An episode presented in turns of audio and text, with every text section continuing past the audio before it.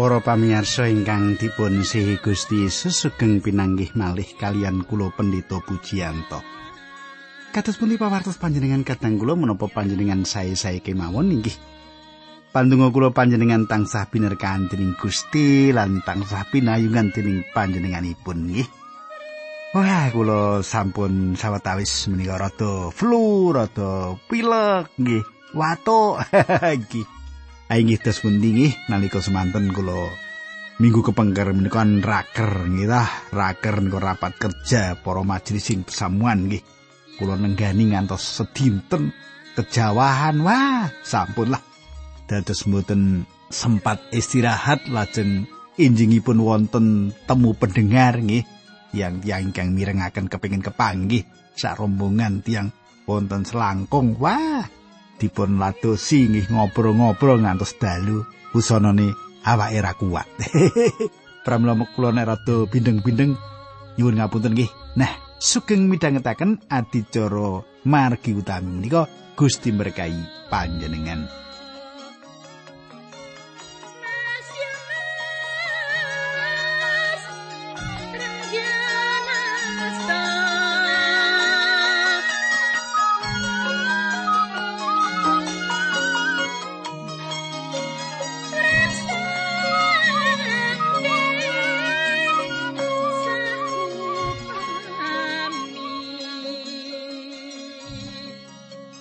Para pamirsa menapa panjenengan tasih kemutan menapa ingkang kula aturaken duk nalika pepanggihan kepengker menika? Nggih kula wangsuli malih. Supados paling boten panjenengan tasih kemutan ngaten nggih. Kita sampun nyemak bilih raja Ahab tundonipun pecah pas kados ingkang dipun ngendikaken Nabi Mika. Nggih tasih kemutan menika kita badhe lajengaken monggo kita tumungkul kita ditunggu rumiyin supados Gusti nuntuni kita Dukanyo Rama ingkang ada dampar wonten kraton ing kasuwargan kawula ngaturaken gunging panuwun menawi wekdal menika kawula saged tetunggilan kalian sedherek kawula ingkang tansah ngantu-antu adicara menika saged gegono. Kawula nyuwun Gusti berkahi Gusti mitulungi lan kawula nyuwun ugi Gusti njebati kawula kanthi rasa suci paduka. Kanthi makaten menapa ingkang abdi paduka andharaken menika saged dados wucalan saged dados tambahing kawruh sedherek kawula menika. Linambaran asmanipun Gusti kawula Yesus Kristus kawula netunggal haleluya amin.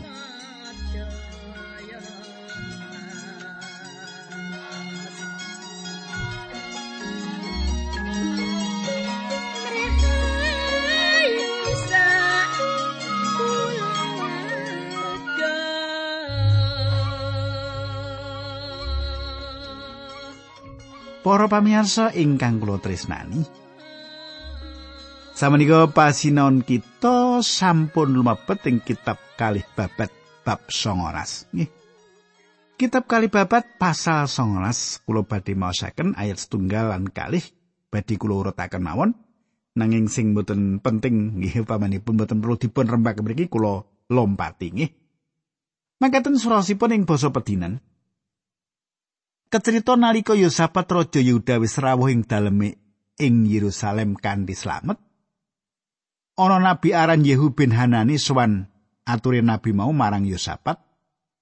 Menapa pantes panjenengan biyantu dateng tiang awon sarta mihak dateng tiang ingkang sengit dateng pengiran. Pendamel panjenengan menika njalari pengiran duka dateng panjenengan.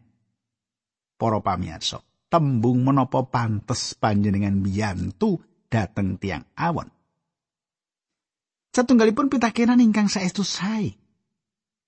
Gusti Allah mboten nate dawuh panjenengan tresnani tiang ingkang dados mangsaipun Gusti Allah. Gusti mboten nate dawuh panjenengan tresnani tiang ingkang tiang menika dados mangsaipun Gusti Allah. Kita kedah saged mbetakaken antawisipun tresnani tiang dosa kalian nresnani dosanipun tiang menika. Kita kedah sengit dumateng dosa ingkang dipun tindakaken tiang dosa. Menawi tiang dosa menika mboten purun ribah, tetep wangkot. Gelepotan dosa, pramila tiang menika sejatosipun dados sami kalian dosanipun. Sami kalian dosanipun. Mboten wonten pilihan hanes Gusti Allah mboten ngajeni tiyang ingkang gadah sifat lelamisen. Saged kemawon kita sanjang kita tresnani saben tiyang kamangka. Kamangka kita namung tresnani sawetawis tiyang kemawon. Kita kedah tresnani umat kagunganipun Allah inggih menika ingkang dados dawuhipun. Kita kedah tresnani umat kagunganipun Allah. Lan kita kedah tresnani tiang dosa kanthi pangertosan bilih kita kedah nuntun tiang dosa menika dumateng Sang Kristus. Nanging patraping kang makaten menika mboten ateges kita kompromi kalian dosa. Para pamirsa, wonten mucalan ingkang aji ing mriki ingkang mboten kenging kita langkungi. Gusti Allah mboten ngutus Nabi Yehu supados manggi Raja Yosafat saderengipun kisah gabung kalian Raja Ahab lan Isabel. Raja Yosafat menika satunggalipun abdi Gusti. Satunggalipun abdi Allah. Raja Yosafat nindakaken kalepatan. Gusti Allah ngidinaken Sang Raja Yosafat gadah pengalaman seserawungan kalian Sang Raja Ahab. Awit Gusti Allah ngersakaken maringi wucalan dumateng Raja Yosafat saking pengalaman menika.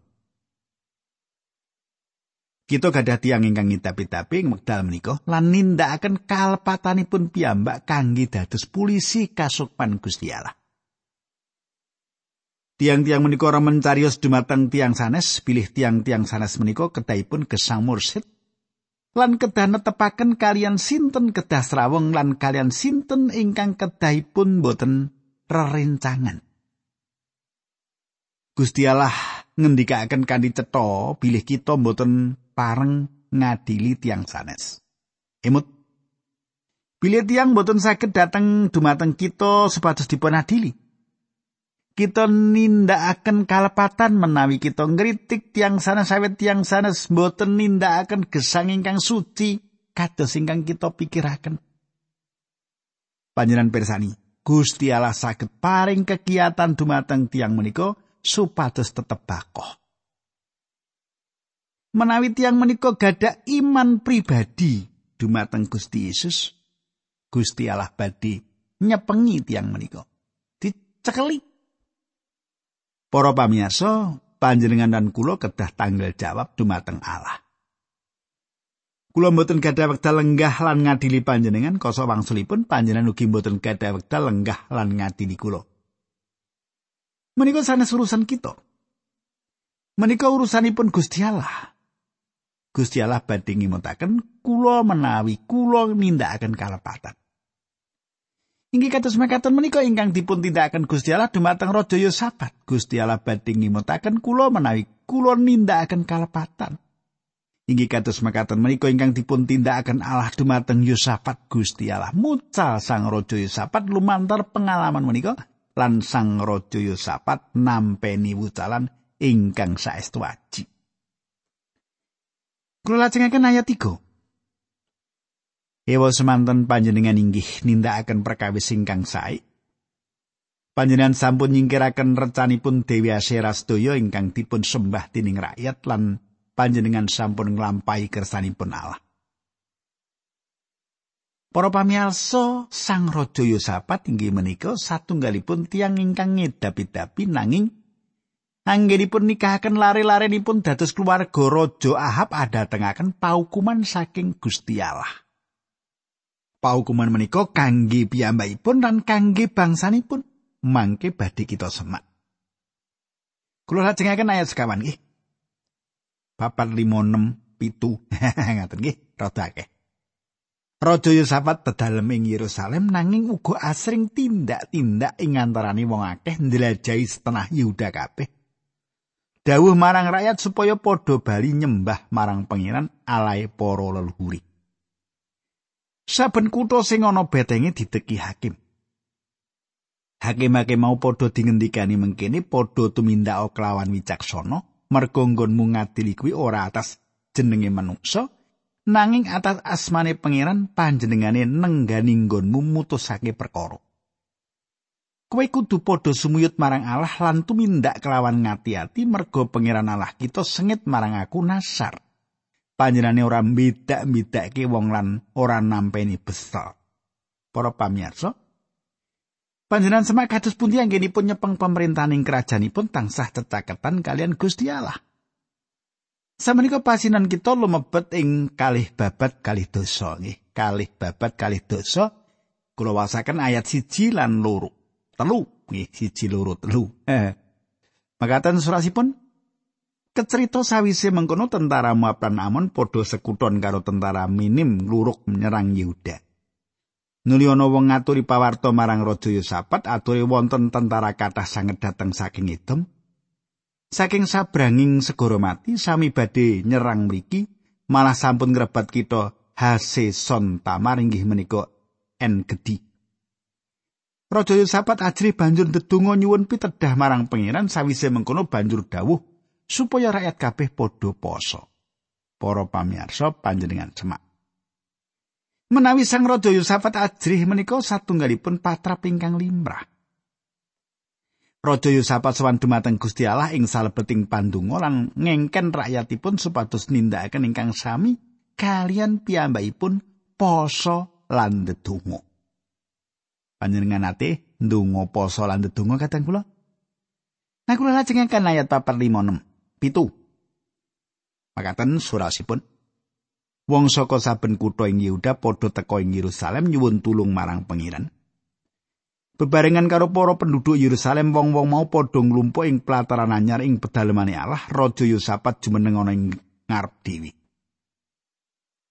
Sarta ndedonga surat duh pengiran, Allahipun leluhur kawula paduka menika Allah ing swarga ingkang ngres sedaya bangsa ing bumi paduka menika maha kuwaos lan kagungan kasekten boten wonten tiang ingkang kecunggah nglawan dhateng paduka paduka menika Allah kawula nalika umat paduka bangsa Israel dumugi negari menika paduka nundungi tiang-tiang ingkang nalika semanten manggen ing ngriki paduka lajeng maringaken tanah menika dhateng anak turunipun Abraham mitra paduka dados tanah pusaka ing selami-laminipun Para pamirsa, Sang Raja Yosafat nindakaken satunggalipun perkawis ingkang boten nate dipun tindakaken Sang Raja Asa bapakipun. Sang Raja Asa boten sumendhe ing pengalaman jaman kepengker ingkang badhe nuwuhaken imanipun. Sang Raja Yosafat mangertos bilih Gusti Allah sampun paring janji ing jaman kepengker lan menapa ingkang sampun dipun tindakaken Gusti Allah jaman kepengker samenika piyambakipun sumindi dumateng janji-janjinipun Gusti Allah. Sang Raja Yosafat naliti sedaya kahanan ing salebeting pandunganipun lan salajengipun ngringkes donganipun menika. Ayat 12 lan 13. Paduka menika Allah kawula, bangsa-bangsa menika mugi paduka dawahi paukuman. Margi kawula mboten kiyat nglawan tentara ingkang semanten kataipun pramila kawula sami sowan nyuwun pitulungan dhateng paduka. Nalika semono wong Yehuda kabeh lanang wadon sak anak-anake padha nglumpuk ana ing pedalemane Allah. Para pamirsa panjenengan semak Raja Yosafat masrahaken badan sawetahipun dumateng Allah. Ing salebeting piyambakipun boten gadah doyo. Saestu satunggalipun perkawis ingkang ngidapi-dapi. para pamirsa menawi panjenengan samenika ora ndidaya ora iso apa-apa ora ana sing dijalui tulung panjenengan kados raja Yosafat menika sumindi mawon dumateng Gusti Allah wonten ing astane Gusti Allah menika ora ana barang sing moka panjenengan badhe pikantuk pitulungan lan dintasaken saking panandang panjenengan tuladani anggenipun sumindi Yosafat dumateng Gusti Allah menika. Nggih. Aja malah saya aduh karo Gusti Allah. gitu. Kula lajengaken ayat 18. Ing setenge wong akeh mau ana wong Lewi jenenge Yahasiel. Kuwi anake Sakaria saka kaum Asap turune Benaya, Yel, Matania, Yahasiel mau katedaan roh pengiran. Para pamirsa, panjenengan gatosaken kados menapa ing salebeting kitab suci menika garis turun menika dipun ginakaken kangge nepang para nabi utawi tokoh sanes ingkang dipun tepangaken ing kaca-kaca kitab suci menika. Perkawis menika saestu penting. Ayat kang 11 banjur ngucap mengkini Sang Prabu ingkang minulya saha para sedherek sedaya Pangeran dawuh bilih panjenengan sedaya mboten kenging semplah utawi ajrih ngadepi tentara kathah menika ingkang badhe perang menika sanes panjenengan nanging Allah piyambak. Para pamirsa saestu gambe tumrap kula nyupekaken bilih peladosan ingkang dipun paringaken Gusti Allah dumateng kula menika kagunganipun Gusti Allah. Kula nganggep peladosan kula menika kados-kados gadahan kula piyambak. Kulo wiwit manggul momotan menika lan ngadepi perkawis-perkawis lan kuatos kegayutan kangilan-kangilanipun. Ing salebetipun wekdal kula ngemutaken badan kula piyambak bilih sedaya menika pakaryanipun Gusti Allah. Lan awit peladosan menika kagunganipun pramila panjenenganipun badhe ngrampungaken sedaya perkawis ingkang timbul. Wadinipun dosa inggih menika sowan dumateng Gusti Allah kanthi iman. Perkawisipun gegayutan kalian kula inggih menika kula mboten nilaraken perkawis menika wonten ing mriku. Kula pancing ngaturaken sedaya perkawis ingkang kula sandang ing ngarsanipun Gusti. Lajeng kula nguruk perkawis menika, lajeng mapanaken malih ing geger kula lan beto perkawis menika wangsul malih. Dadi ora sida pasrah. Menapa panjenengan kados mangkaten kateng kula? Pasrah Gusti Allah ning ijek digendong indit dhewe, ta? Para pamirsa wonten ing mriki kados menapa nggumenaken Gusti Allah menika. Gusti Allah ngendika aja wedi sapat peperangan iku dudu duwekmu. Kowe ora susah nindakake perang iku, iku dadi tugasku. Kulo ugi kala-kala ngadepi kahanan-kahanan ingkang kulo piyambak mboten saged uwal saking tali ingkang ning seti kulo. Kulo ketancan. Gusti Allah paring pangandika pasrahno marang aku, aku kang bakal ngrampungake. Mugi-mugi panjenengan kula saged sinau masrahaken dumateng panjenenganipun kados ingkang dipun tindakaken Raja Yosafat. Kita lajengaken ayat kali dosa. Esuke umun-umun rakyat budal menyang Roro Samun sak cedhake Tekoa, sak durunge mangkat Yosafat ngendika mengkene marang rakyat. Wong Yehuda lan Yerusalem padha percaya marang pengiran Allahmu, kowe mesti bakal oleh gawe. Para pamirsa samenika Raja Yosafat lan rakyatipun majeng lumawan mengsah ingkang sampun nyaket. Raja Yosafat nyurung prajuritipun supados kumandel dumateng Gusti. Gusti Allah paring pangandikan dumateng panjenengan lan kula.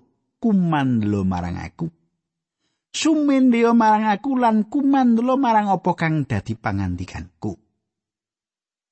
Panjenengan pirengaken menapa ingkang dipun ngendikaken Gusti Allah. Panjenengan kumandel dumateng Gusti Allah panjenengan lan panjenengan badi tetep bakoh lan teguh. Kula lajengaken ayat selikur. Sawise rembukan karo rakyat, Sang Prabu banjur dawuh supaya para penyanyi padha nganggo sandangan seragam. Kaya sing lumrahe dinggo ing upacara, para penyanyi mau padha baris ing ngarep dhewe, diiringake tentara nggone baris rampak karo padha menyanyi pinujio pangeran sielanggenging selawase. Para pamirsa, cara ingkang dipun tindakaken menika satunggalipun cara ingkang ngidapi-dapi ing salebetipun ngatur serangan. Raja Yosafat namung ngatur para penyanyi lumampahi ngajeng barisan prajuritipun lan para penyanyi kala muji Gusti. Awit sih su setianipun Gusti ngantos selami-laminipun. Sabenika panjenengan katasaken menapa ingkang dumados Gusti paring kamimpangan dumateng Raja Yosafat lan prajuritipun. Gusti Allah ingkang mimpangaken peperangan kangge Raja Yosafat lan para prajuritipun. Sabenika ayat 6 Ing dina kapate wong kabeh padha nglumpuk ing lebak berakalan memuji asmane pangeran ing ngatasé samubarang sing ditindakake dening astani mulane lebak mekaran bareka. Tegesipun kakidungan nggih. Para pamirsa, tembung menika ateges papan binerkahan Gusti utawi papan kangge muji Gusti. Saben gereja kedah dados satunggaling wekdal ngaturaken pepujian kunjuk Gusti. Samenika ayat pitulikur, wolulikur, songolikur, telung puluh. Raja Yosafat banjur ngirit balane kabeh bali menyang Yerusalem kelawan bunga mergo pangeran wis nelukake mungsuhe kabeh. Satekane ing Yerusalem banjur padha baris menyang pedalemane Allah diring suarane clempung lan slompret. Negara-negara liyane bareng krungu carane pangeran nggone nelukake mungsu-mungsu Israel padha geter. Mulane Raja Yusafat bisa nindakake pemerintahan kelawan tentrem lan pangeran paring katentreman marang setanah kono kabeh. Para pamirsa, namung Gusti Allah ingkang saged paring katentreman lan karaharjan. Nanging Gusti Allah dereng maringi katentreman dumateng kita ingkang dados jalaranipun jagat menika dereng kumandel dumateng Sang Raja katentreman. Ayat 33. Nanging papan-papan panyembahan brahala ora digempur rakyat nggone ngabekti marang alai para luhure ora kelawan iklasing ati pangibadah dumateng brahala ingkang dados jalaran dawaing bangsa menika pungkasanipun Samenika pasinan kita lumebet ing kalih babat bab selikur, kalih babat bab selikur. Wiwiti ayat tunggal, Raja Yosafat sedo lan disareake ing pesariane raja-raja ing kutane Daud Yoram putrane ngenteni dadi raja. Para pamirsa Yoram kalersan setunggal larinipun ingkang sampun ningkah kalian anggota keluarga Raja Ahab lan Isabel. Piyambakipun sinau nindakaken piyawon saking tiang kalih menika. Ayat kalih tiga sekawan Yoram putrane Yosafat Raja Yuda kagungan sederek kakung nem yakuwi Asaria, Yeyel, Sakaria, Asariahu, Mikael lan Sefasa. Saka Raja Yosafat kang ramani putra-putra mau padha nampi emas, sloka lan barang-barang sing akeh pengajine. Lan saben putra keparingan kutha siji sing ana betenge ing Yehuda nanging sarene Yoram kuwi putra mbarep mulane Raja Yosafat ngangkat Yoram dadi gantini. Bareng Yoram wis rumangsa kuat nggone dadi raja banjur dawuh mateni sedulur-dulur kabeh mengkono uga panggedhene sawetara. Para pamirsa, Raja Yoram nyirnakaken sedaya ingkang dados sainganipun kanthi cara ingkang boten satriya. Boten saged kabayangaken lelampahan menika. Raja Yoram mejahi sedaya sederekipun lan anggota keluarga kerajaan sanesipun. Kenging menapa piyambakipun nindakaken patrap ingkang kados makaten. Kita lajengaken ayat 6 lan 7. Sugenge ora beda karo Raja Ahab lan raja-raja Israel liyane merga kawin karo putra-putrine Raja Ahab, Raja Yoram gawe dosa ing ngarsane pangeran. Iwa semono pangeran ora kersa numpes raja tedhake Daud merga panjenengane wis janji yen anak turune Raja Daud bakal tetep ana sing dadi raja.